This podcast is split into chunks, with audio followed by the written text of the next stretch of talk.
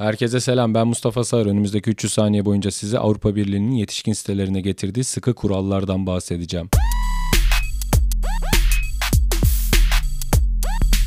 Avrupa Birliği yetişkin sitelerine sıkı yönetim ilan etmiş. Çok ciddi kurallar konuşuluyor. Yani bu nasıl oldu böyle bilmiyorum ama kesinlikle bir erkek parlamenterin meclise sunduğunu düşünmüyorum. Çünkü hiçbir erkek ayağına sıkmaz. Kadınlar bu konuda daha erdemli olabiliyorlar. O yüzden bir kadın parlamenterin getirdiğini düşünüyorum. Çünkü kadınlar evet e, yetişkin sitelerine girmeyebiliyorlar. Hangi erkek girmiyorum diyorsa yalan söylüyordur. Zaten o yasa tasarısı geldiğinde büyük ihtimalle en coşkulu şekilde erkekler oylamıştır. Evet sıkı kural getirilsin lanet olsun bunlara diye. Çünkü o erkeklerin yaptığı bu işi gizli izleme yöntemlerinden bir tanesi. Daha sonra da komisyon kurulup siteler incelenmeye başladığında da erkek parlamenterler abi bu ne biçim şey hayatımda görmedim böyle rezillik mi olur falan gibi tepkilerle hayatta onunla alakası olmadığını, hayatta o sitelere girmediğini hissettirecek yalanlar söylemişlerdir. Büyük ihtimalle 2 saat önce girdiği siteye 2 saat sonra hayatta hayalet görmüş gibi davranacaktır yani. Haberi okurken enteresan gelen şeylerden bir tanesi Avrupa Birliği Komisyonu porno site dememiş. Onun yerine çok büyük platformlar olarak adlandırmış. Yani çok fazla kullanıcısı olan platformlar. Orada Orada da bir kibarlık var. Şimdi biz de porno site demiyoruz. Ne diyoruz? De yetişkin film. Porno film değil, yetişkin filmi. Hani seks yaptık değil, birlikte olduk. O konuyla alakalı en uzak ne deyip de onu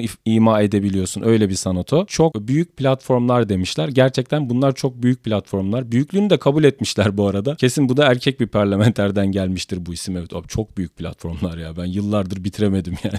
20 senedir giriyorum bitmiyor böyle. Bu kadar büyük bir platform olamaz ya. X Hamster'ın Avrupa'da 160 milyon aktif kullanıcısı varmış aylık. Profil açan 160 milyon kişi var. Yoksa biliyorsunuz yani herkes giriyor. Yani şimdi gir, girmiyorum diyebilir miyiz? Bütün Avrupa'daki bütün erkeklerin girdiğinden eminim yani. 160 milyon aktif kullanıcısı var ama işte 800 milyarda gizli kullanıcısı var. Bunu herkes biliyor yani. Öyle filmler var ki 100 milyon seyredilmiş. %90 beğeni almış. 90 milyon insan aynı fikirde. Orada ırk yok, cinsiyet yok, siyaset yok, din yok, millet yok. Anladın mı? Hiç fark et. Porno sektöründe arkadaşlar ırkçılık yok. ırk vardır. O ırk da hani videonun içeriğini anla diye sana ne sunuyor? İşte Asyalı, siyahi, inançlı, inançsız. Yani sen orada onu sorgulamazsın. Sana hangisi daha çok hoşuna gidiyorsa. Yani orada bir beğeni var aslında. Yani o ırklara bir hayranlık var. O yüzden ırkçılık var diyemeyiz arkadaşlar. Sadece basitlik var. Sonuçta Bihter dizisini de Avrupa neydi? Avrupa yakası değil dizinin adını unuttum.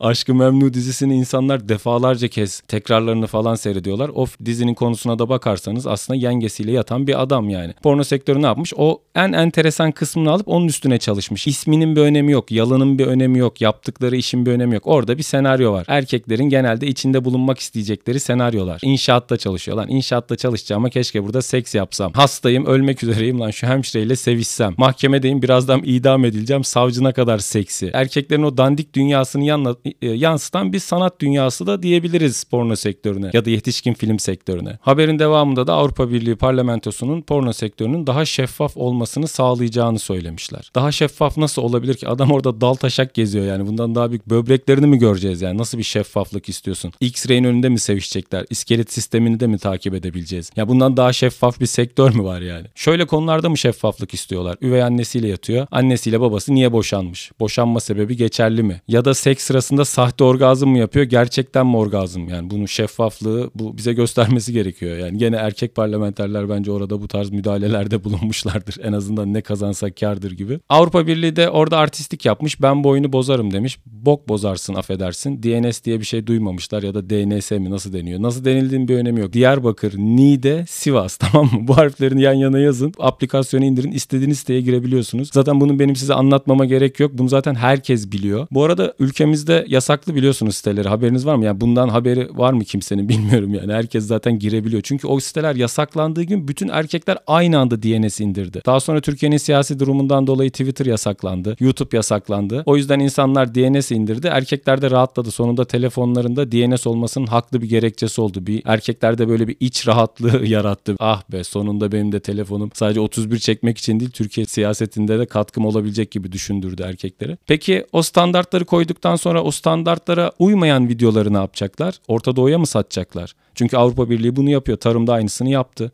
Yetiştirdikleri elmaları pornoların Avrupa Birliği standartlarına uymayanlarını Türkiye'ye satıyorlar. Hatta çöplerini gidip Adana'ya dök. O yüzden büyük ihtimalle bu dandik yani standartlara uymayan pornoları da bizim ülkemizde çok sıklıkla görebileceğimizi düşünüyorum. Bu konuda bence devletin bir denetim getirmesi gerekiyor. Bence bir porno bakanlığı kurulabilir. Yani porno bakanlığı demezler de yetişkin hali ruhiyesi standartları bakanlığı derler anladın mı? Gene o isim geçmez. Hatta muhafazakar bir hükümet varsa kesin o bakanlığı muhalefete verir. Yani muhalefetin aldığı tek bakanlık olabilir. Büyük ihtimalle kimsenin fotoğraf çektirmek istemeyeceği bir bakan olabilir. Bakanlar kurulunda girmesini istemeyeceklerdir. O yüzden ona ayrı bir oda yaparlar. Onunla görüşmek isteyen varsa DNS'e girip odaya girebilir. Yani DNS'e girmeden o odaya giremezsin. İşini halledersin bakanla konuşursun sonra çıkarsın. Kimse senin o odaya girdiğini görmez. Tam olarak zaten ne yazık ki durum da bu. O yüzden buradan bizi dinleyen insanlara da hiçbir şey demiyorum bu sefer. Sadece bunları anlatıp konuyu kapatacağım. Bir sonraki bölümde görüşmek üzere. Kalın sağlıcakla.